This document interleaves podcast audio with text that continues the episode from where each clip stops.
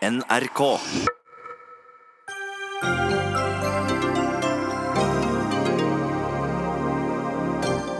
Retten finner det bevist utover enhver rimelig tvil at Eirik Jensen har medvirket til smugling av 13,9 tonn hasj, og at han har mottatt over 600 000 i korrupsjonspenger av Gjermund Cappelen. De to får henholdsvis 21 og 15 års fengsel. Norge forteller somaliere at de ikke bør komme hit, fordi her blir de utsatt for rasisme, må leve på gata og får ikke helsehjelp. Motbydelig eller sannferdig kampanje. Og Darwin er ut, Koranen er inn i Tyrkia. Fra i dag skal tyrkiske skolebarn lære om jihad, og at jorda ble skapt av Gud.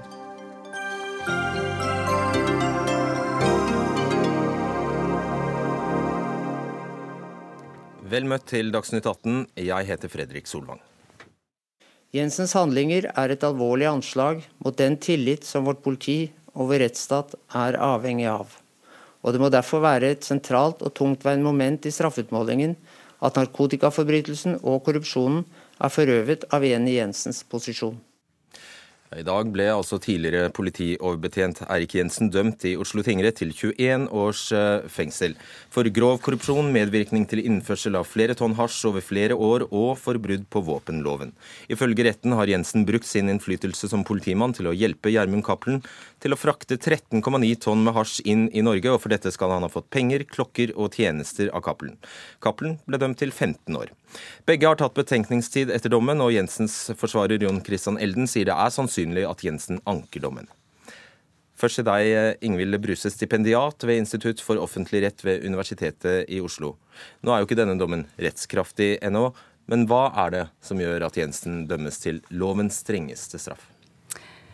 Eh, I denne saken så har eh, retten foretatt det jeg oppfatter som veldig grundige vurderinger. De er underlagt et strengt beviskrav. Det kreves at eh, de tiltaltes skyld skal ha vært bevist utover enhver rimelig tvil.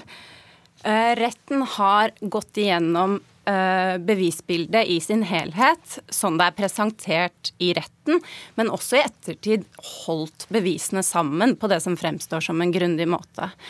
Eh, det som gjør at de tiltalte, eh, og da særlig Eirik Jensen, dømmes sånn som jeg oppfatter det, eh, er altså ikke bare de tiltaltes forklaringer. De synes å være lagt til grunn i den grad de understøttes av andre bevis i saken. Men retten har i lys av disse andre bevisene kommet til at, at skylden er bevist utover enhver rimelig tvil. Mm. Olav Rønneberg, krimkommentator her i NRK. Hva er hovedløgnen som eh, Jensen da eh, skal ha kommet med, og som retten ikke tror på. Det starter jo allerede med at Jensen eh, fastholdt gjennom hele denne rettssaken at han ikke visste noe om Gjermund Cappelens kriminelle virksomhet og hans storstilte import av hasj. Han blir ikke trodd av retten i det hele tatt på det feltet. Retten sier tvert imot at han som polititjenestemann burde ha grepet inn, burde ha stoppet denne virksomheten, og i alle fall varslet om den. Så tror ikke retten noen ting på eh, Jensens forklaring om disse tekstmeldingene vi har hørt mye om i saken. Retten mener at de viser et kriminelt samarbeid, eh, og de tror ikke på Jensen Jensens forklaring om verdier, klokker eh, og bygging av et baderom, som vi også har hørt mye om i denne saken. Så Jensen blir ikke trodd på noe punkt, og da er det heller ikke så rart at han ender opp med lovens eh, strengeste straff.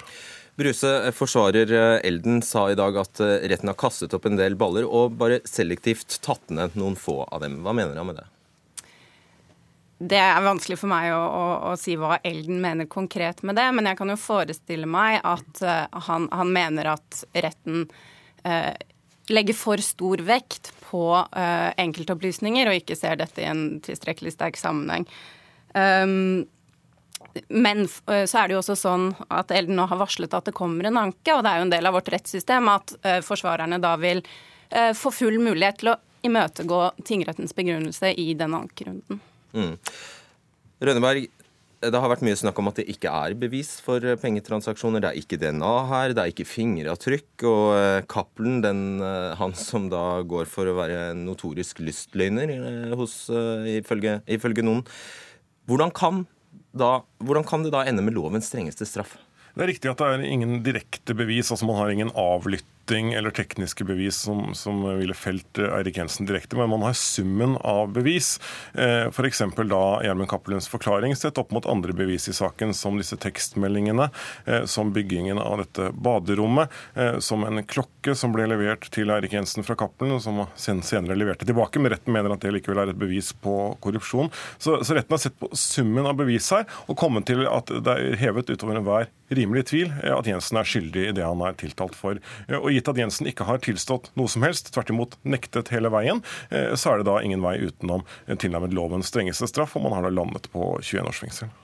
Jeg tror du skal få, um, i og med at de aller fleste, selv om de aller fleste sikkert har fått med seg disse tekstmeldingene og dette baderommet, kan du bare raskt fortelle hva det går på? Ta to korte eksempler. Man har eh, tekstmeldingsdialog gjennom flere år mellom eh, Eirik Jensen og Gjermund Cappelen, hvor Eirik Jensen f.eks. har sendt til Cappelen meldinger av typen 'det er stille og sol', 'det er pent vær i skogen'. Jensen forklarte det med helt normal politi-informantvirksomhet, mens retten da kom til at dette viser et kriminelt samarbeid. At Jensen da varslet Cappelen om at det nå var trygt, at det var mulig for Cappelen å importere hasj. Mm.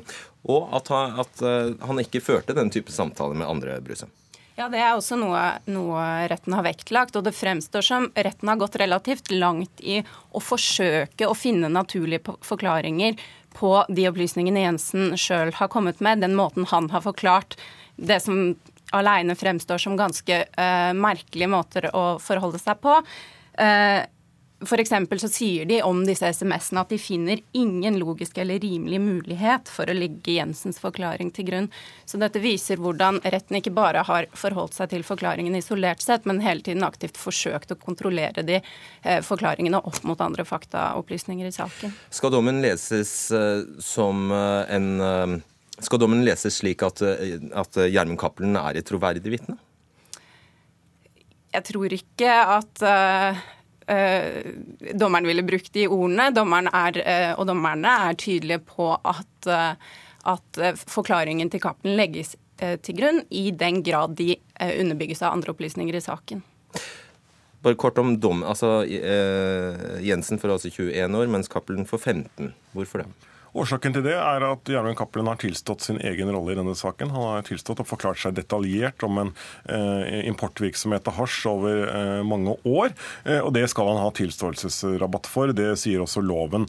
Nå er det det å legge til at Cappelen skal i en rettssak til. Han skal ha en dom til i en, en, en eh, sak eh, som settes i sammenheng med denne. Eh, så det kan nok være at han får den straffen noe skjerpet uansett. Men gitt at han tilstår, så skal han ha noe rabatt. Det er forutsatt av lovgiver. Alright. Hans Sverre Sjøvold, eh, politimester i Oslo politidistrikt. Det er en tung dag, formoder jeg? Ja, det er fornavnet. Dette har vært en krevende dag. Eh, jeg fulgte jo opplesningen av eh, dommen, så det har ikke vært noen god dag på jobben, syns jeg. Hvordan kunne en politioverbetjent gjennom så mange år holde på på denne måten uten at resten av distriktet visste om det? Det spørsmålet har jeg også fått mange ganger i dag, og jeg syns det er der vi ikke har fått gode nok svar i, eh, i eh, dommen. Og jeg har vel også registrert at dommeren har vært ute etter de svarene. Eh, når det gjelder vår virksomhet i dag, så føler jeg at vi har gjort mange tiltak de senere årene for å sikre at den drives innenfor det rammeverk som har vært. Og det har faktisk vært i mange år. Ja, hvilke tiltak da? F.eks. at en leder ikke kan ha egne informanter. Eh, han skal lede andre som har ansvaret for informanter, slik at vi har et eh, godt eh, kontrollsystem. Jeg har jo ikke noe fullgodt svar på hvorfor dette har pågått over tid. Og det er vel heller ingen tvil om at det har kommet noen røyksignaler her og der. Og jeg har tenkt på det i løpet av dagen også, og jeg tror kanskje mange av de som har fått disse signalene, har vurdert de i i et strafferettslig spor. Er det bevis nok? Kan vi stole på det? Kan vi gå videre? Og kanskje ikke tenkt godt nok over at det er et administrativt spor her som vi må forvalte som leder, og kanskje kunne vært noe mer på der. Fordi, men det vet jeg ingenting om. Nei, Men sier du mellom linjene nå at folk har visst?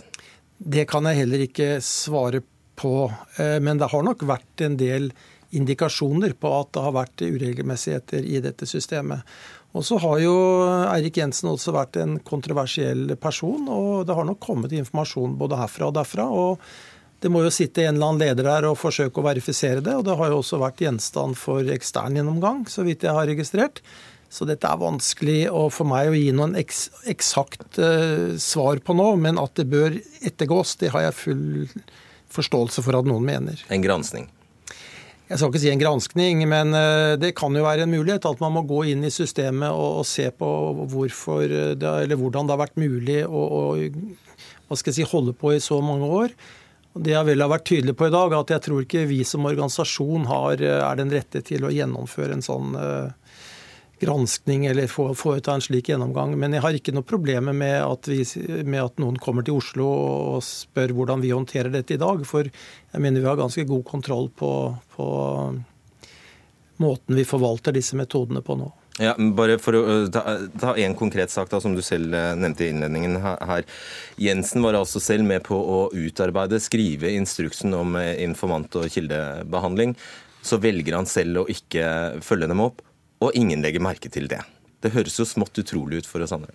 Ja, og det skjønner jeg godt. Og jeg finner det vel ganske naturlig at man må prøve å finne flere svar på den type spørsmål. Men er ikke det Altså, er det skal vi andre føle oss betrygget av det? Kan det være flere sånne, eh, sånne eksempler?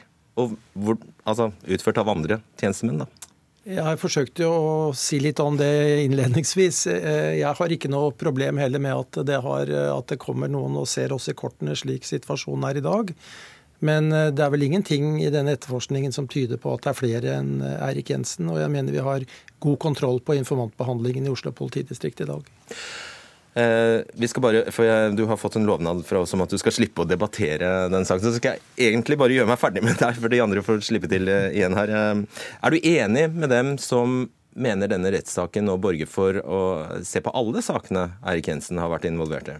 Det har jeg ingen nærmere kommentar til, men jeg har jo registrert at det har vært oppe i løpet av dagen. Det er det andre enn meg som må ta stilling til. Ja, Men er det ikke naturlig at du mener noe om det? Jeg syns ikke jeg skal mene noe om det nå, for det vil uansett være gjenstand for konkrete vurderinger i den enkelte sak. Hadde det kunne vært hensiktsmessig på noe vis? Nei, det blir for vanskelig. Jeg syns jeg skal forholde meg til, til, mitt eget ansvar som arbeidsgiver i denne saken. Så syns jeg det som går mer på den påtalemessige delen, for eh, statsadvokater og Spesialenheten håndtere. Noe mer du vil legge til? Syns jeg har sagt mer enn nok, jeg nå. Sigrid Bolstad, du er eh, leder i Politiets eh, Fellesforbund. Eh, jeg tar bare for gitt at det har vært en tung dag for deg også. 21 års fengsel, Dog. Det kunne jo ikke blitt verre, faktisk? Nei, det er en unik sak. Antageligvis den største etter annen verdenskrig.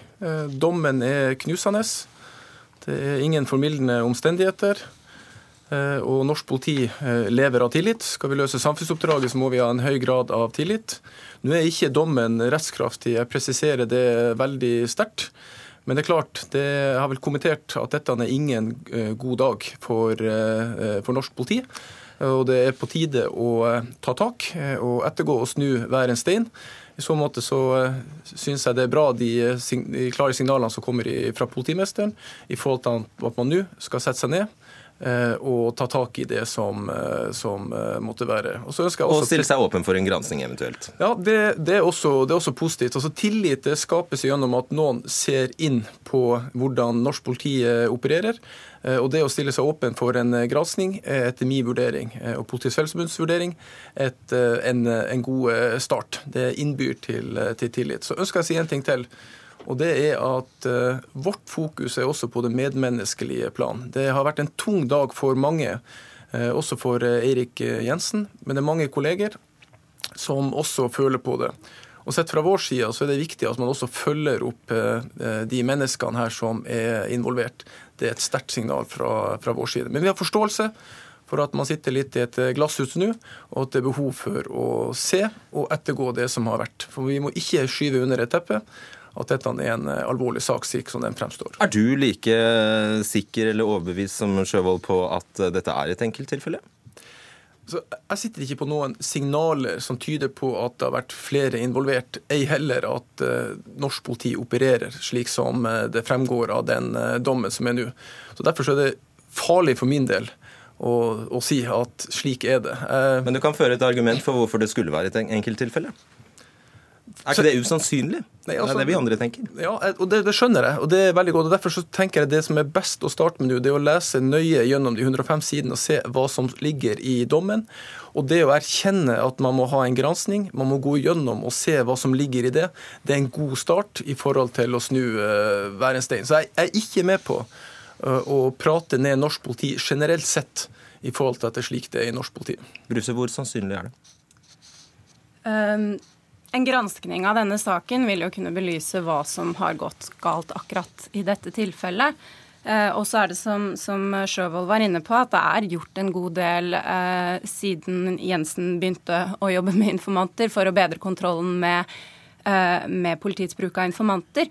Eh, det, det, systemet som er innført, legger i all hovedsak opp til en intern kontroll. Så det kan nok stilles spørsmål om man i tillegg til en granskning av dette enkelttilfellet burde legge opp til en større grad av ekstern kontroll med politiets uh, bruk av informasjon. Kan du oversette det så vi forsøker? uh, For eksempel så har man i dag et eksternt kontrollutvalg for kommunikasjonskontroll for uh, politiets bruk av avlytting, blant annet som man kunne tenke seg hadde overføringsverdi også til politiets eh, bruk av informanter. Det ville kunne gi allmennheten en større tillit til at, eh, at politiet opererer innenfor det regelverket som gjelder.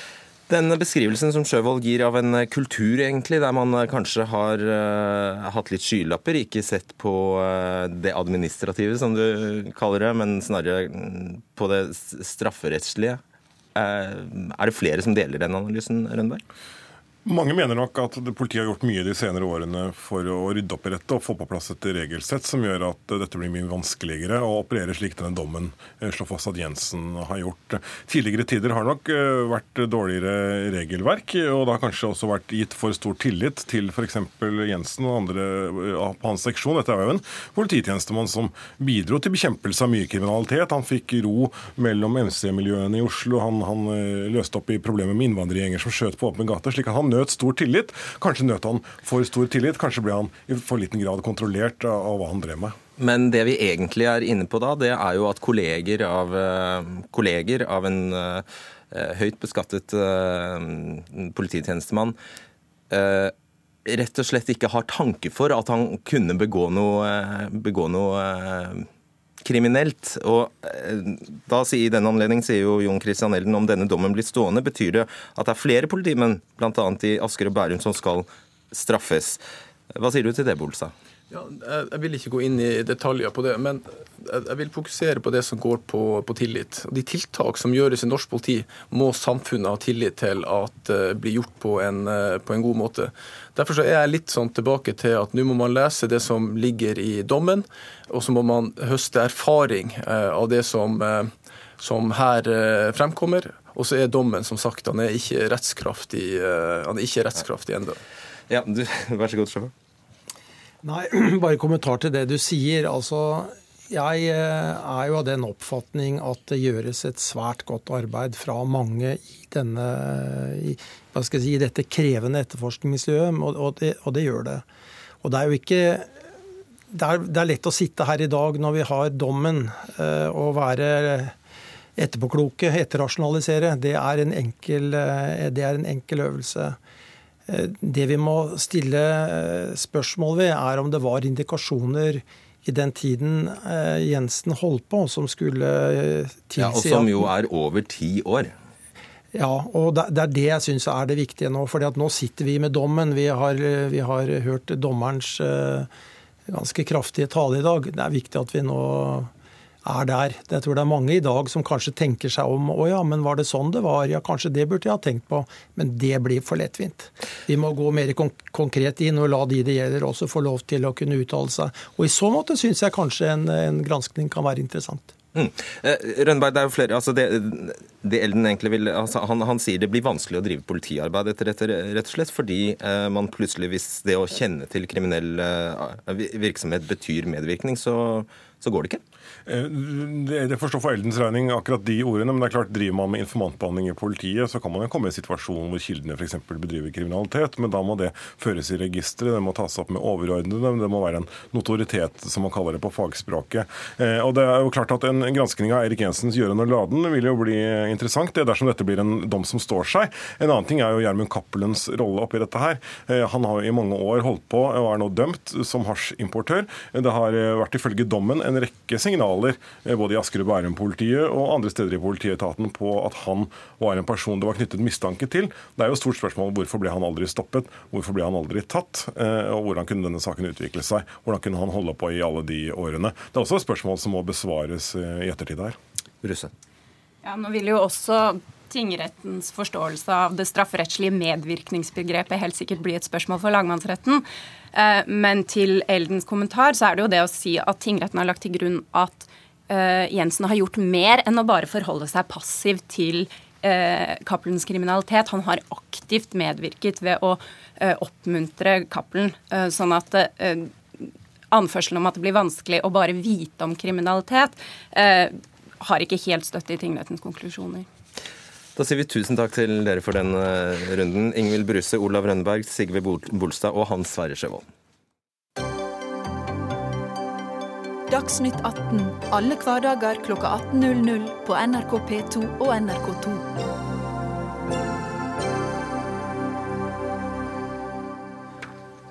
Som et motsvar på at Norge er et land med gull og grønne skoger, har myndighetene bidratt til kampanjer for å hindre asylsøkere i å komme hit.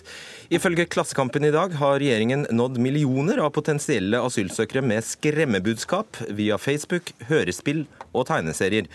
Og En av kampanjene er en tegneserie om Hassan, som forsøker å søke asyl i Norge, men som utsettes for rasisme, nektes helsehjelp, og han fryser i den kalde norske vinteren. Og til slutt vender han så hjem til Somalia.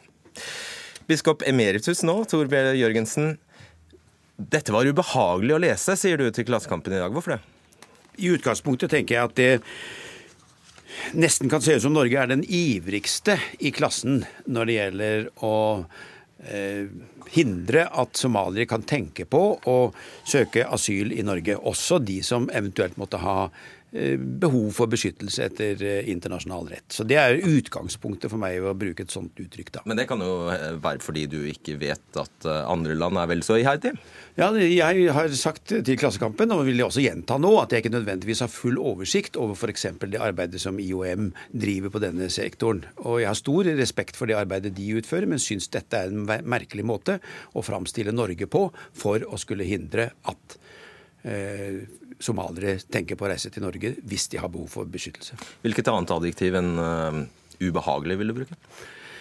Nei, jeg vet ikke helt hva en skal si. Jeg syns måten også Norge da beskrives på, det bildet som gis av Norge i generelt sett slår tilbake på oss selv. Det er sant at det er kaldt der, da? Eh, jo, kaldt er det. Og det er mange ubehagelige mennesker å forholde seg til. Det vet jeg godt, for jeg arbeider for en organisasjon som heter Mennesker i limbo, og vet atskillig om hva det vil si å gå på gatene her uten å ha oppholdstillatelse og papirene i orden. Men at eh, den beskrivelsen også kan slå tilbake på oss selv og de idealene vi ønsker å, å representere i den internasjonale flyktningsituasjonen. Så vi burde ikke ha gjort det? Jeg mener at dette, i hvert fall på meg, sånn som jeg har sett dette, virker pussig. Mm, pussig. Nils August Andresen, ansvarlig redaktør i Minerva. Du har lest uh, tegneserien, som faktisk er lang. Den er, mm. den er veldig lang. Men, og det er bare fire bilder som er, er en faksimilen i, i Klassekampen i dag. hva er det som er Hva syns du om den? Altså, hvis du ser tegneserien under, eh, under, ett, det er fire lange striper, så følger de Hassan altså fra Somalia. Det går klart frem at Hassan ikke har rett til asyl under konvensjonene. Så det er ikke et forsøk på å skremme mennesker som har faktisk asylbehov for å komme. Men Hassan har altså ikke det. Men de beskriver på en for så vidt troverdig måte hvorfor folk allikevel migrerer. Det er veldig mange gode grunner for mennesker til å ønske et bedre liv for seg selv og sine, uten at de nødvendigvis er forfulgt. Eh, så den beskriver det. Og så beskriver den den en vanskelig reisen hit, og den beskriver at det er vanskelig her.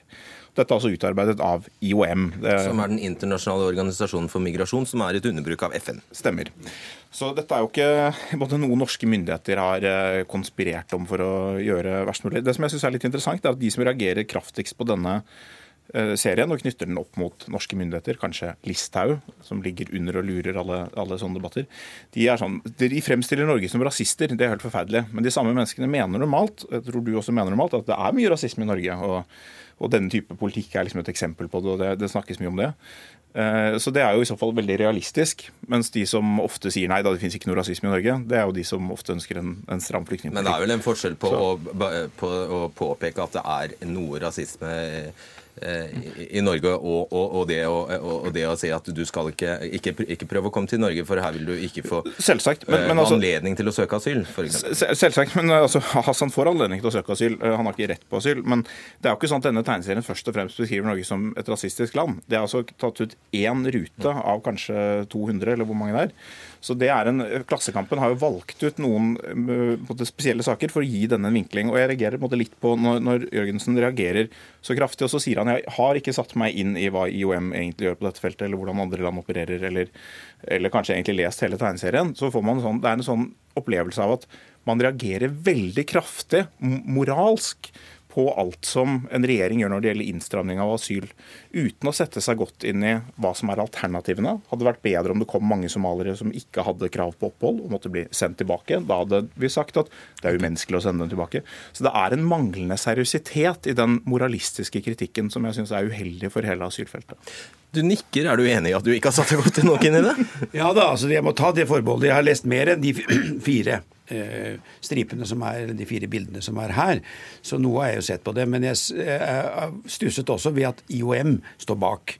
Og hadde egentlig tenkt å ta kontakt med dem for å høre hvordan de har tenkt. Jeg mener det er en respektfull organisasjon som ikke eh, farer med lettvintheter i, i dette feltet. Det som er bakgrunnen allikevel, tenker jo jeg da at dette bildet som en er med på å skape av Norge, og det er da den større konteksten som kanskje du har mer greie på enn meg, er også hvordan stemmer dette med andre europeiske land som det er naturlig å sammenligne seg med i dette. For hvis Norge nå har gjort noe som på en måte er veldig viktig for oss, Hvorfor skjer ikke tilsvarende, eventuelt i en bredere kampanje, inn mot flere land i vår eh, store og større sammenheng? Ja, altså du mener... Eh, Norge sin... her på en måte tar et initiativ og tydeliggjør sin policy, som jo i prinsippet ikke vil være forskjellig fra mange andre land i Europa. Ja, Vi har jo skrevet under på denne avtalen, eller vi er jo med på denne avtalen ja, med Tyrkia. Det, det stemmer. Altså, denne, denne tegneserien snakker jo faktisk om å beskrive Dublin 2-avtalen, så den går inn i den europeiske konteksten og forklarer at dette systemet er likt i europeiske land. Det tas fingeravtrykk i første land man kommer til, og man blir sendt tilbake dit. Denne, og Hassan er jo da ikke bare i Norge, han reiser gjennom først Afrika og så over Middelhavet og ja, innom flere europeiske land. Så, så, så, jeg føler at den konteksten er på en måte med. Men jeg, jeg tror det som er, jeg synes er litt viktig når man skal komme med denne type sterk kritikk av de virkemidlene som brukes i uh, asyl-, flyktning-, innvandringspolitikken. Det er at man prøver å beskrive hva som er realistiske alternativer. Altså det Vi gjør nå, er at vi forsøker informasjonskampanjer som sier har du ikke krav på asyl, så er det god grunn til ikke å dra. Og det er god grunn til ikke å dra hvis man ikke har asyl. Og Jeg har snakket med nordmenn med somalisk bakgrunn som sier at dette er eh, gjenkjennelige ting som beskrives i denne tegneserien. Og, og, som du sier selv fra arbeidet med det, at dette her, folk som jobber med mennesker uten dokumenter og sånn i Norge, vet at dette er vanskelig. Så det er én måte å gjøre det på. Så hvis man mener at okay, det er en dårlig måte, vi sier at Norge er strenge og sånn, hva er alternativene? Asylsystemet kommer med veldig mange dårlige alternativer og vanskelige valg. Liker man ikke dette, nei vel, foreslå noe annet som virker. Jørgensen, mener du det er moralsk feil å drive denne typen kampanjer? På meg virker det da lettvint. Jeg må igjen da ta forbehold om at det er en større kontekst der som eh, ikke jeg nødvendigvis har full kjennskap til. Men i hvert fall den, den detaljen eller de stripene jeg har sett på dette, gir et inntrykk av et Norge som eh, forholder seg til asylsøkere på en eh, destruktiv måte. Og Det er bakgrunnen for min reaksjon. Eh, som jeg også har sagt, så kjenner jeg veldig godt til baksiden av hvordan det er å være papirløs i Norge. Og jeg mener jo tvert imot at dette faktisk også bør kunne få tilbakevirkende kraft på hvordan vi faktisk håndterer de som er tvunget til å leve uten papirer i Norge. Og det er ganske mange. Og de lever i en veldig vanskelig situasjon, nettopp mot disse kreftene som her beskrives. Ja, bare til, eh, Hvis du kan svare litt raskt på det, Andresen. Det, det, må da, det, er, framstår som et paradoks at norske myndigheter skal eh, dra, i, dra ned til Somalia og orientere om hvor unnskyld uttrykket, jævlig det er her, i stedet for å gjøre noe med det, da? Ja, altså, det, det, Bakgrunnen er at det, er et veldig krevende felt på asylfeltet. Hva gjør vi med mennesker som kommer uten dokumenter? Veldig mange mennesker kommer uten dokumenter, og veldig mange somaliske somalske asylsøkere får avslag på asylsøknaden fordi de ikke tilfredsstiller kravene for opphold. Så Derfor sitter vi med dårlige virkemidler. Eh, jeg mener ikke at det den tegneserien først og fremst gjør, er å si at Norge behandler asylsøkere generelt veldig dårlig, men beskriver en del av de utfordringene som ligger ved å være nettopp ulovlig innvandrer.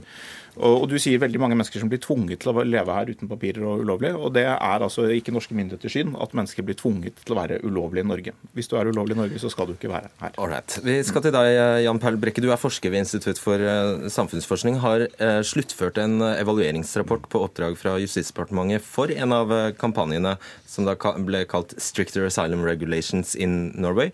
Og, og, men før vi, før vi, snakker overordnet om mm. kampanjer, akkurat denne om Hassan fra Somalia. Er det skremsel, eller er det informasjon?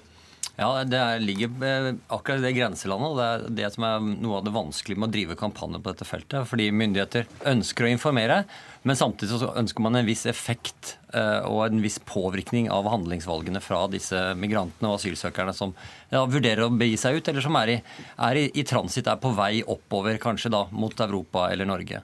Så det skillet mellom skal vi si, informasjon og det å advare eller å avskrekke, det er det er ikke alltid så lett å, å se det skillet. Verken i denne tegneserien eller i, i, det senere arbeidet man har gjort. Men man eh, er veldig bevisst på det uh, hos myndighetene. Så dette er altså et, et, uh, skal vi si, det er litt sånn uopp, uh, uopptråkket territorium. Det er litt sånn vanskelig okay. nytt på en måte å kunne treffe riktig der. Nettopp. Så når Justisdepartementet, da, selv om det er i bitteligen logoen til The Norwegian Ministry of Foreign Affairs som mm. står her, mm. når Justisdepartementet da toer sine hender og sier vi ga bare, vi bare ba IOM om å lage en kampanje, vi vi ante ingenting om hva, de kom til å, hva den tegneserien, tegneserien en gang skulle handle om, så er ikke det helt uh, står ikke helt i troen. Nei, altså, det, det, vi må se, Man kan se enda nøyere på akkurat hvordan prosessen var med hvordan, hvordan disse beskjedene gikk. Men det er mange land i Europa som setter ut denne typen oppdrag til organisasjoner, enten til en stor NGO, altså en stor organisasjon som dette, men også mindre organisasjoner som jobber med kommunikasjon f.eks. til daglig. Men, men oppdraget viss... kan vel ikke være sånn hipp som happ, be dem komme Nei. hit, eller Nei, så det er, jo, det er, jo, et budskap som skal frem, som skal følge politikken, og det, og det blir kommunisert underveis også, så klart.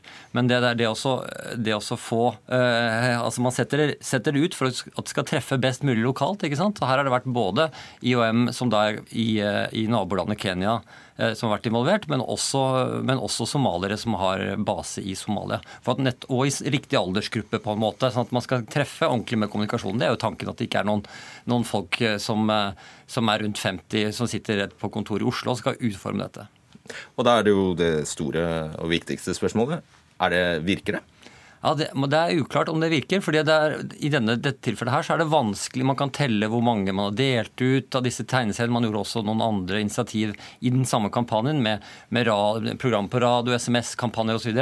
Men det å se hvordan det påvirker selve handlingsvalgene og reisevalgene, det er en stor øvelse. Så Det er noe som ligger litt frem i tid. og Det gjør det også i de andre landene i Europa. Man er usikker på hvordan disse kampanjene slår inn. For dette er jo, som det ble nevnt tidligere, dette, er ikke bare et norsk, dette skjer ikke bare i Norge, men det skjer også i andre europeiske land.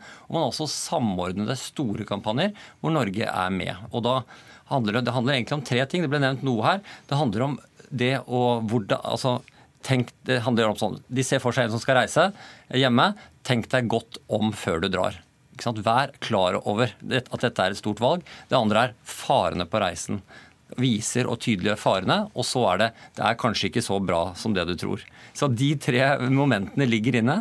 Altså, Tenk deg godt om før du drar. Det er farlig å reise, og det er ikke sikkert det er så bra det kommer. Det er liksom de tre hovedtemaene, og det er litt forskjellig i de ulike eh, kampanjene hva de legger vekt på. Så i denne, denne sosiale mediekampanjen, Facebook-kampanjen, denne Stricter Asylum Regulations in Norway, der handlet det om at de norske reglene har blitt eh, strengere, og at det skulle kommuniseres da, eh, bakover skal vi si, i reiserutene til der hvor avgjørelsene tas om man skal reise eller ikke. Ned til minste landsby i Somalia.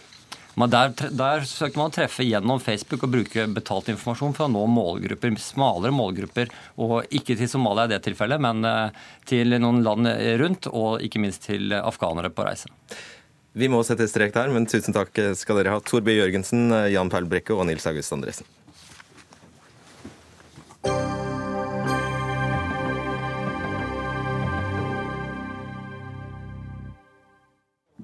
En reformendring av FN er noe av det som står på dagsordenen når USAs president akkurat nå er på plass i FN-hovedkvarteret i New York.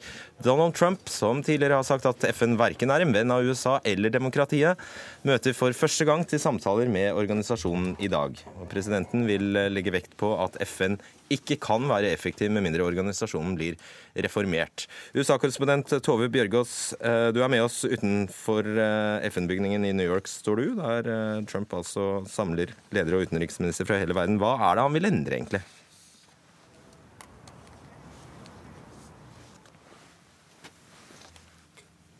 Enten er det innmari lang forsinkelse her, eller så har vi ikke med Tove Bjørgaas. Ja, det er seks tidssoner, som du sier, Matlari. Det er langt til USA. Har vi med oss Tove Bjørgaas? Jeg tror vi eh, forsøker oss uten først, og så får vi se om, hun, eh, om eh, teknikken står oss bi etter hvert. Og den allerede nevnte Janne Haaland Matlar, professor i internasjonal politikk ved Universitetet i Oslo. Ingen hemmelighet at Trump er eh, kritisk til FN og ønsker reform, men hva slags reform? Ja, Det er ikke lett å finne svar på. Reformspørsmålet har vært oppe i 20 år minst i FN, og alle er veldig enige om at man bør reformere både Sikkerhetsrådet og byråkratiet. Men eh, når man skal gjøre det, så er man iallfall helt uenig om Sikkerhetsrådet. Og jeg tenker Trump han, eh, den amerikanske holdningen er jo det de kaller uh, effective multilateralism. Effektiv, effektivt diplomati i sånne organisasjoner. Altså skal komme resultater uh, ut av det. Men FN er jo en organisasjon med alle verdens stater som har anerkjent hverandre. 193 medlemmer. Og Det betyr da at det store flertall ikke er liberaldemokratier. Så verdimessig, interessemessig, så er det jo ikke en på en måte vestlig tung organisasjon som det var da FN ble til i 46.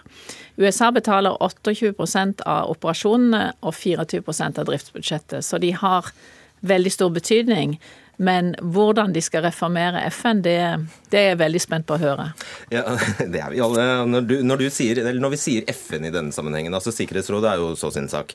Mm. Men det, kan du gi eksempler på de eh, programmene eller de organene vi snakker om? F.eks. vi kjenner til UNHCR. UNHCR. Kjenner, har du flere? Eksempler? Ja, Det er jo en hel, eh, hel skokk med organisasjoner som yndere kaller seg FN-familien, mm. for at det skal være veldig idyllisk. Men dette er jo byråkratier med selvfølgelig masse driftskostnader, mange stillinger. Jeg er sikker på at man kunne kutte masse i stillinger i disse organisasjonene og få mer effekt ut av det. Så det er jo det ene. Som bedrifter og som departementer i Norge så må man effektivisere. Og så er det jo det at eh, det er ideologisk veldig problematisk at menneskerettighetsorganet, eh, Menneskerettighetsrådet, eh, ledes av Iran av og til. Ledes har har eh, land med som vil omdefinere ytringsfrihet eh, med blasfemi eh, som en, som en barriere mot ytringsfrihet. Altså den type endring av substansen i menneskerettighetene. Og det er jo det som er veldig vanskelig, da. Mm. Fordi FNs beslutningsprosess er jo bestemt. Man kan ikke bare, USA kan ikke diktere. Samtidig så kan USA kanskje marginalisere og si at vi vi vil ikke forholde oss til den organisasjonen noe særlig mer. Ole Jakob Sending, du er forskningssjef eh, i NUPI.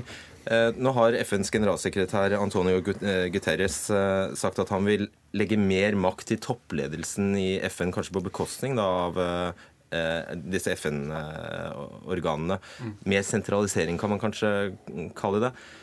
Støtter Norge det? Så vidt jeg vet, så støtter Norge den Eh, reformprosessen som Guterres har lagt opp til.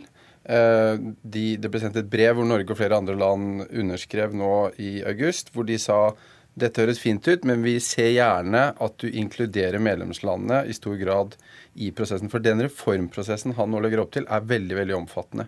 Det er ikke, dette er ikke Trumps agenda, det er Guterres sin agenda, som Trump faktisk har gått nå ut og støttet i veldig stor grad. Og det lover egentlig godt paradoksalt nok kunne man kanskje si, for uh, muligheten for å få igjennom en FN-reform. Men hvordan ser blokkene ut her? For da blir jeg jo ja. mistenksom når du sier at uh, dette samler støtte hos uh, USA. Er det sånn? Er det, er, det, er, det, er det, også denne gangen snakk om fattig mot rike land, eller hvordan er det? Ja, det, det vil nok fort kunne bli. Men sånn som det ser ut nå, uh, USA EU, rike land, de støtter stort sett opp. Det eneste landet som eksplisitt har gått ut og sagt dette er vi ikke for, det er Russland. Oh, fordi, fordi, de reformene generalsekretæren legger opp til, vil i deres øyne svekke medlemslands innflytelse. Det er helt riktig. Sånn som, det, sånn som det står på papiret nå. Sannsynligvis G77. Der vil det være motstand. Men der tror jeg det, det, det er også av samme grunn. Ja, Hva er G77? G, oi, unnskyld. G77 det er en gruppe av nå ikke 77, men 134 land. Uh, uh, fattige land, mellominntektsland, hvor Kina spiller en viktig rolle. Så veldig mye tror jeg vil avhenge av der hvordan Kina plasserer seg. Hvorfor? Ja, eh, er det her man står? Er det her, er det det det, er det her de største skillelinjene går? Ja, det er jo eh, Jeg kjenner ikke prosessen rundt reformspørsmålene veldig godt, men eh, rundt Sikkerhetsrådet så er det jo stormakts Der er det jo stormaktsdominans og vetorett for fem land som har Eh, har en spes helt spesiell stilling. Eh, mens ellers er det jo eh, vedtak i, blant, med alle landene med, med, stemmerett. Men det er klart at noen land veier mye tyngre enn andre land. Så hvorfor G77 er skeptisk osv., det, det ligger vel i den innflytelsen de da ikke vil, ikke vil ha. Mm. Men eh, det at man trenger å se på hva får man for bistandspenger f.eks. i en organisasjon, det er jo en allmenn trend, heldigvis, i alle land. At man har en sånn New Public Management-tenkning. Og amerikanerne er jo som sagt veldig opptatt av effektivitet. Virker dette? Eh, mens mange andre land er mye mer opptatt av prosess. Er vi med? Prosessen er det viktigste. Skal vi prøve oss på Tove Bjørgaas igjen, eller? Er du, er du der, Tove? Jeg kan høre dere. Jeg har ja. hørt dere hele tiden. Ja. Kan dere høre meg? ja, vi har ikke hørt deg. Nå hører vi deg. Du, det, kan, du, kan du kort uh, prøve å forklare uh, hva er det som skal skje på dette møtet? Nei, altså det, Dette møtet var i, i morges og fortsetter nå på et litt lavere nivå. Men det som USAs FN-ambassadør eh, klarte å få til, var altså at Trump innledet møtet og dermed fikk alle til å fokusere på det.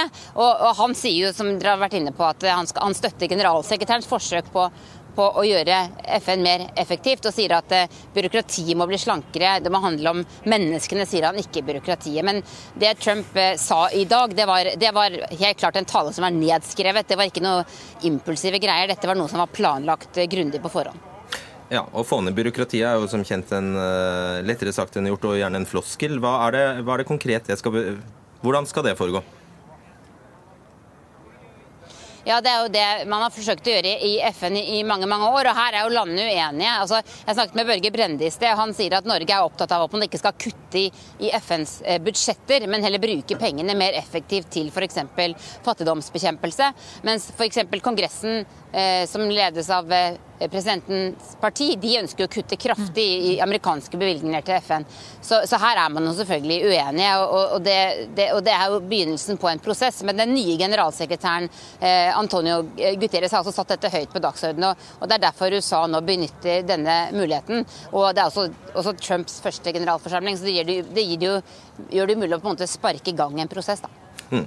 Uh, Ole Jakob Sending, uh, i valgkampen sa Trump at USA, eh, FN er verken en venn av USA eller av demokratiet.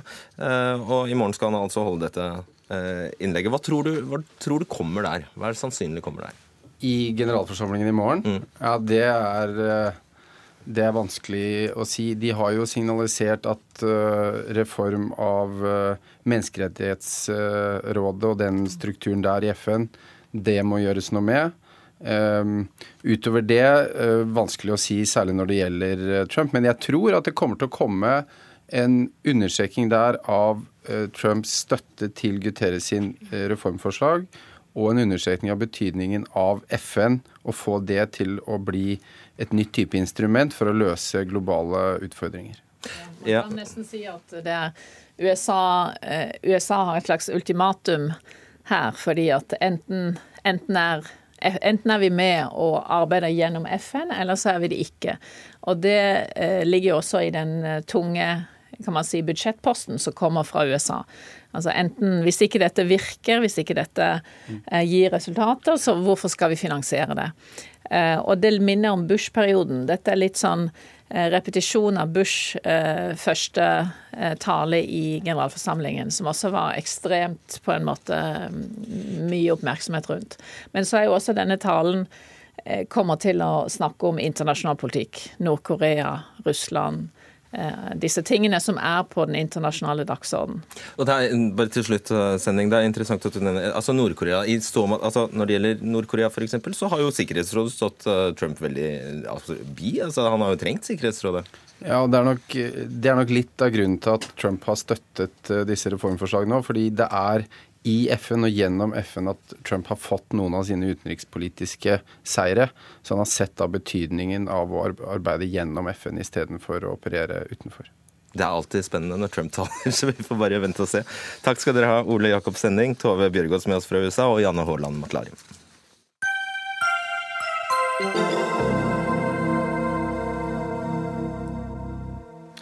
Norske domstoler, som nesten all annen offentlig virksomhet, er pålagt av regjeringen å effektivisere gjennom en avbyråkratiserings- og effektivitetsreform. Og Det har ført til at eh, Høyesteretts budsjett er blitt redusert med to millioner kroner de siste tre årene. Og I et brev Høyesterett har sendt til Domstolsadministrasjonen, og som NRK omtalte i forrige uke, går det fram at flere er bekymret for eh, følgene av reformen. Blant dem er det altså deg, Ingjerd Tune, du er leder i Den norske dommerforening. Hvorfor er du bekymret? Vi er jo svært bekymret fordi norske domstoler er blant de mest effektive i Europa. Vi har et veldig lite støtteapparat per dommer i domstolene. Det er få utredere i Høyesterett og i lagmannsrettene, og det er få saksbehandlere til å støtte opp om dommernes arbeid. Og Høyesterett signaliserer nå at de trenger flere utredere for å støtte opp om dommernes arbeid i Høyesterett. Det er stadig flere lover som gis. Det er et komplisert rettskildebilde. Det er flere internasjonale konvensjoner, det er internasjonal rettspraksis. For at Høyesterett skal kunne treffe riktige avgjørelser til riktig tid, er det viktig at de har et godt utrederapparat. Så når dere da eh, ribbes robbes for to millioner kroner, hva skjer da? Ja, Det som skjer i Høyesterett, som de varsler, det er at i verste fall så må de nedbemanne. Og det tror jeg at det har man aldri hørt snakk om tidligere, at Høyesterett må nedbemanne. Høyesterett er en liten organisasjon. Det er 20 dommere, det er 23 utredere. De har et støtteapparat, saksbehandlere og en viss eh, administrativ organisasjon. Men det er eh, eh, små midler som brukes til Høyesteretts drift. Sånn at, at, de skal kunne måtte nedbemanne, det, det er faktisk helt uhørt. Intet mindre. Peter Kristian Frølich, du er medlem av Stortingets justiskomité eh, for Høyre. Av alle som skulle måtte ta dette kuttet, så er det vel å skyte seg i foten så det synger og ta det på Høyesterett. Det, det, går utover hele straffesakskjedene. Det vi har gjort, er jo sagt at domstolene som helhet som eh, må ta et lite kutt, i likhet med alle andre deler av eh, staten. Ja, det har, jo, det har vi hørt. Men ja. så sier jeg det kan jo føre til vondt. Det kan føre, føre, til at du skyter deg selv i foten? Nei, ikke, ikke, nødvendigvis. Jeg tror at dette skal kunne gå helt fint, sånn som det også har gjort eh, nå over et, eh, et par år. Det er sånn at eh, vi tar signalene på, på alvor. Vi har hørt domstolene melde tilbake gjennom denne effekten. Men det er ikke sånn at vi kan verne og skjerme domstolene helt. du tar signalene på alvor, men du gjør ikke noe med det? Jo, vel, jo, vi gjør det. Vi har jo muligheter nå i statsbudsjettet budsjettet bl.a. å se litt på økonomien. Men det, det, vi, vi går ikke derfra til å si at, eh, at domstolene som helhet må beskyttes fra den eh, veldig viktige avbyråkratiserings- og effektiviseringsreformen. Domstolene må også trimmes litt, grann, i likhet med andre deler av eh, det offentlige Norge. Hva, hvordan eh, føles det å trimmes, Tune? Ja, altså Vi er helt enige om at vi må effektivisere driften, og vi har fokus på det hele tiden. Som sagt er vi blant de mest effektive i Europa, og dermed i hele verden. Eh, og vi ser vi har prosjekter nå for å effektivisere og sentralisere sentralbordfunksjonen, regnskapsfunksjonen. Men det går en grense, eh, og da, man, eh, altså da må man begynne å kutte i stillinger. Og det vil da føre til lengre saksbehandlingstid, og det ser vi allerede. Halvparten av tingrettene klarer ikke å overholde de krav til saksbehandlingstid som Stortinget selv har satt. Eh, ingen av lagmannsrettene klarer det. Hvis, nå, hvis eh, Eirik Jensen nå skal anke sin sak inn for lagmannsretten, så skulle den egentlig vært behandlet i løpet av tre måneder. Hvis den ikke er forhåndsberammet, så vil det ta i hvert fall åtte måneder før saken kommer opp. I sivile saker hvor det avsies dom i Oslo tingrett, tar det nå de, de, hvis sakene ankes til Borgarting lagmannsrett, så berammes de nå våren, sommeren 2019. Men den beskrivelsen du nå gir, fordrer den at man ikke greier å jobbe 0,5% raskere? Altså Det er slik at det har vært arbeidstidsundersøkelse i domstolene, og dommerne jobber i snitt 25% mer enn vanlig arbeidstid allerede i dag. Så det er lite å gå på, egentlig. Ja. Eh, hun har rett i at eh, norske domstoler har eh, gjort mye bra. Det er jo bl.a. pga. de kravene vi, vi har satt så er det sånn fortsatt at Tror de greide seg før dere kom til makta, for å si det sånn? Ja, nei, det skjøt fart etter at vi tok over. Det har kommet en del veldig viktige endringer innenfor domstolene som gjør at økonomien kommer til å bedre seg for domstolene. Men så er det jo sånn at domstoler er jo Selv om de norske domstolene relativt sett sammenlignet med andre land er ganske effektive og gode, så er det fortsatt eh, litt, litt gammeldags her og der. Jeg har opplevd norske, norske domstoler fra advokatsiden. Det er fortsatt sånn at uh, saksbehandlingen går på papir og i brev og i post. Uh, skal man inn og ha rettssak, så kommer man trillende med to store kofferter med ringpermer. Eh, alt, eh, Man sitter i rettssalen og blar og blar og blar, og det går tregt, og alt skal skrives ned manuelt osv. Det er klart at det er rom for forbedring. Og det er de tingene vi gjør nå, og det kommer til å forbedre økonomien til domstolen. Et anekdotisk, men ganske overbevisende argument der, Tune. Altså, det, høres, eh, det er så bra. Vi er helt enige. Vi vil digitaliseres. Og, men regjeringen bevilger ikke penger til det. Det er nå tolv tingretter som vil bli digitalisert i løpet av de fem neste årene. Men det er 51 tingretter hvor man ikke begynner å se på det i det hele tatt. Så eh, det er helt klart at bevilg penger. Vil, men for, de får ikke de nødvendige bevilgningene. Mm. Det har en veldig naturlig forklaring. og det er det at Vi kjører en pilot først for å finne et system som faktisk fungerer. Og så da kan du faktisk ikke bruke det argumentet. Jo, jo, jo, jo. Vi er i gang nå. Nå finner vi et system som fungerer. Så tester vi litt i Tromsø, og så skal vi teste litt andre steder. Og når vi har funnet det systemet som fungerer, så ja, er det tut og kjør. Da kan du ikke bruke de trillvognene mot dem foreløpig. Jo, men ikke... poenget er bare at det, der er masse, der er et stort rom for eh, og gode muligheter for å effektivisere. Men altså, vi har den piloten når det gjelder digitalisering av domstolene, den er ferdig. Så nå er det selve prosjektet som er i gang. Så han har ikke det å skylde på heller? Nei, han har ikke det. Han tenker kanskje på lyd- og bildeopptak, for det utprøves i Tromsø tinghus nå. Men det, det ble jo vedtatt når det, når det gjelder tvisteloven, så ble det jo vedtatt for eh, over ti år siden at det skulle innføres i domstolene. Og vi iverksetter. Altså, ja, det vil vi gjerne se. Ja, ja, ja, men jeg har ikke lyst til å slippe den. Jukset du med de argumentene nå? Nei, jeg gjør ikke det. Men altså, vi, vi, snakker, eh, vi, snakker, om to forskjellige ting. Det ene er å ha eh, digital behandling av sivile rettssaker. Det er en ting som vi er veldig stolt av. at det Der sa du det krav, fremdeles er en pilot på gang, og så sier hun nei da, den er ferdig. Piloten det er lyd- og bildeopptak, som er den andre, ja, som er den andre viktige effektiviseringen. Jeg har rett, og det er bare innført i tolv domstoler. Ja, nei, men, nei, av 63. Ja, altså, poenget, poenget, er rett og slett at vi uh, Der er mange prosjekter på gang. Okay. Uh, man må holde tungen beint ja. i munnen. Men der er betydelig rom uh, å spare, i alle fall. Tune, det høres ikke ut som Det høres bare ikke veldig troverdig ut at det ikke skal være rom for å spare noe som helst på binderser eller dopapir eller, eller ringpermer i, i, domstolene. Det høres bare lite troverdig ut. Ja, er, altså, vi, spar, vi, har fokus på det, og vi prøver å, å, sette i gang prosjekter hvor vi kan spare inn midler. Men i domstolene det er ikke noe særlig byråkrati. Det er ikke så mye man kan ta av der. Så det er den dømmende funksjonen og støttefunksjonen for dommerne. Og det som skjer nå, er at stillinger må holdes ledige. Dommere, Vi får ikke ansette flere dommere. hvis noen slutter, så holdes stillingene ledige. Saksbehandlere, hvis de slutter, så holdes stillingene ledige. Sånn at saksbehandlingstiden øker, og domstolene bryter til og med loven. Der siktede sitter fengslet eller er under 18 år, så skal saken eh, behandles av tingrett eller lagmannsrett innen seks eller åtte uker. Og, den, og, det er en lov som er vedtatt av Stortinget, og der brytes loven i stor grad. Og det burde sikkert ha vært mer oppmerksomhet eh, rundt. På tampen her, eh, Frølich, hvis Tune La oss bare forutsette at Tune har eh, rett i da, at de faktisk nå har vært flinke, og at de har sett etter snudd, snudd alle steiner for for å spare. Da er jo domstolene, eller Høyesterett i hvert fall, et et av de eksemplene som ganske ofte trekkes fram på hvor tåpelig denne reformen er. At de som faktisk har vært flinke til å spare, ja, de får nøyaktig samme kutt som de som bare har gitt F. Nei, det, det, er ikke sånn det skal fungere. Dette det er jo sånn det lønne seg. Nei, Nå får vi se litt når eh, en del av disse endringene som vi gjør på, i domstolssektoren nå faktisk kommer til å, å vise seg. Annet avskaffelsen av juryordningen som sparer opp mot 20 millioner kroner i, i året. Det er jo eh, penger som nå blir værende i sektoren, som kommer domstolene til gode allerede fra og med neste år. Som er et sånn klassisk eksempel på at det faktisk skal lønne seg å spare. Så, så har jeg bare lyst til å sette ting bitte litt i perspektiv. Hvis jeg har veldig, veldig kort eh, tid til det. Domstolenes økonomi er helt forsvarlig og helt grei, men den skal bli litt bedre. Det er vi opptatt av, også fra Stortingets side. og det skal jeg jobbe... Selv om loven brytes daglig? Nei, den, saksbehandlingstiden er stabil og forsvarlig, men det kan bli enda bedre, og det skal vi jobbe for okay. Eh, fra Høyres side. Vi har hørt dere i Den norske dommerforening, i hvert fall. Peter Kristian Frølich og Ingjerd Tune, takk skal dere ha. Hør Dagsnytt 18 når du vil. Radio NRK Radio.nrk.no.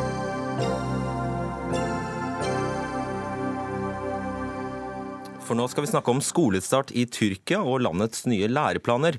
For det er ikke bare i norsk skole det er diskusjon om religionsundervisningen. Charles Darwins evolusjonslære skal ikke lenger være del av pensum i den sekulære tyrkiske skolen, mens det skal bli mer religion, der læren om jihad blir inkludert i læreplanen. Er det ikke sånn, Sissel Wold, korrespondent i Tyrkia? Jo, det stemmer. Og i dag så begynte skolen her i Tyrkia, og vi var på plass da én småskole begynte. Og da er jo pensum nytt, og det er mange foreldre som er rasende over dette her. Eh, Tyrkia er som vi vet veldig delt i to mellom de sekulære og de mer konservative religiøse. Og de sekulære foreldrene er eh, veldig opprørte fordi at de mener at dette er en plan om å gjøre skolen mer religiøs og ta ut vitenskapelige fag eller undervisningstimer. Og det verste, mener de, er at eh, elevene ikke lærer å stille kritiske spørsmål, slik at de kan bli vitenskapsmenn eller ingeniører eller journalister for den saks skyld. Hvor bokstavelig skal det forstås, eller hva, hva kommer til å skje i praksis? Skal de ikke lære om artenes opprinnelse i det hele tatt? Nei, altså jeg snakket med en konservativ lærer i dag som er for denne endringen av pensum. Eh, og han er også kreasjonist. Han tror ikke på Darwin. Han mener at Darwins eh, teorier ikke stemmer. Han sier at eh, selve kapitlet om Darwin er tatt ut, men at de kommer til å lære om type mutasjoner, om ting innen biologi. Kanskje vil menneskets opprinnelse flyttes til religionstimene. Men de skal altså ikke lære at menneskene da er utviklet fra apene, slik Darwin har forsket frem og lært oss. Men grunnen er også at elevene i da 5. opp til 12. klasse ikke har eh, begreper nok. De kan ikke nok til å sette dette inn i en sammenheng. Sånn at dette er for vanskelig. Og jeg spurte denne læreren hvordan skal da barn få lære om utviklingsteorien, evolusjonsteorien, om darwinismen? Og så sier han at de kan gå på Google, de kan bruke smarttelefonen sin, og hvis de googler revolusjonen, så får de tonnevis av informasjon, mener han. Ja, og da Alternativet til å lære om artenes opprinnelse er vel at uh, Koranens budskap, eller Koranens uh, skrifter om at jorden og alt liv ble skapt av Gud, det er vel det som er alternativet da. Dette med jihad, uh, Sissel, altså hellig krig, det betyr jo antagelig ikke det vi forbinder med det nødvendigvis? Nei, jihad er jo også en kamp for islam, som ikke nødvendigvis er voldelig. Det er en kamp mot å synde selv. Det er, eh, som ut, eh, utdanningsministeren sier her, jihad er også å elske ditt eget land. Og en grunn til dette er at, eh, at tyrkiske myndigheter, president Erdogan, mener at jihad har fått et veldig dårlig rykte, fordi man bare forbinder det med terror og krig. Og de syns også at det er veldig ille at muslimer dreper hverandre, som i Syria og Irak. Sånn at det som er viktig nå, er at skolepensum underviser den riktige formen for islam. Men som vi vet, så er det jo mange retninger også innenfor islam. Men de mener at det er bedre at skolen underviser dette, enn at uh, elevene skal lære mer om religion hjemme eller, uh, eller, på andre kurs. De vil ha kontroll over den oppvoksende generasjonen. Og det de kritiske lærerne og foreldrene også er redde for, er at det nå formes en uh, generasjon, en ny generasjon av veldig lydige barn som skal bli langt mer religiøse. De har byttet ut mange lærere. De er bekymret for hvor dette bærer hen. Og det skjer altså i det en gang sekulære Tyrkia. Vi må sette strek der, Sissel Wold. Takk for, takk for den Leksjonen om eh, ståa i den tyrkiske skolen. Det var det siste vi rakk, faktisk. Det var Odd Nytrøen som var ansvarlig for denne utgaven av Dagsnytt 18. Lisbeth Selreite var eh, teknisk ansvarlig, og jeg heter Fredrik Solvang. Ha en riktig fin kveld.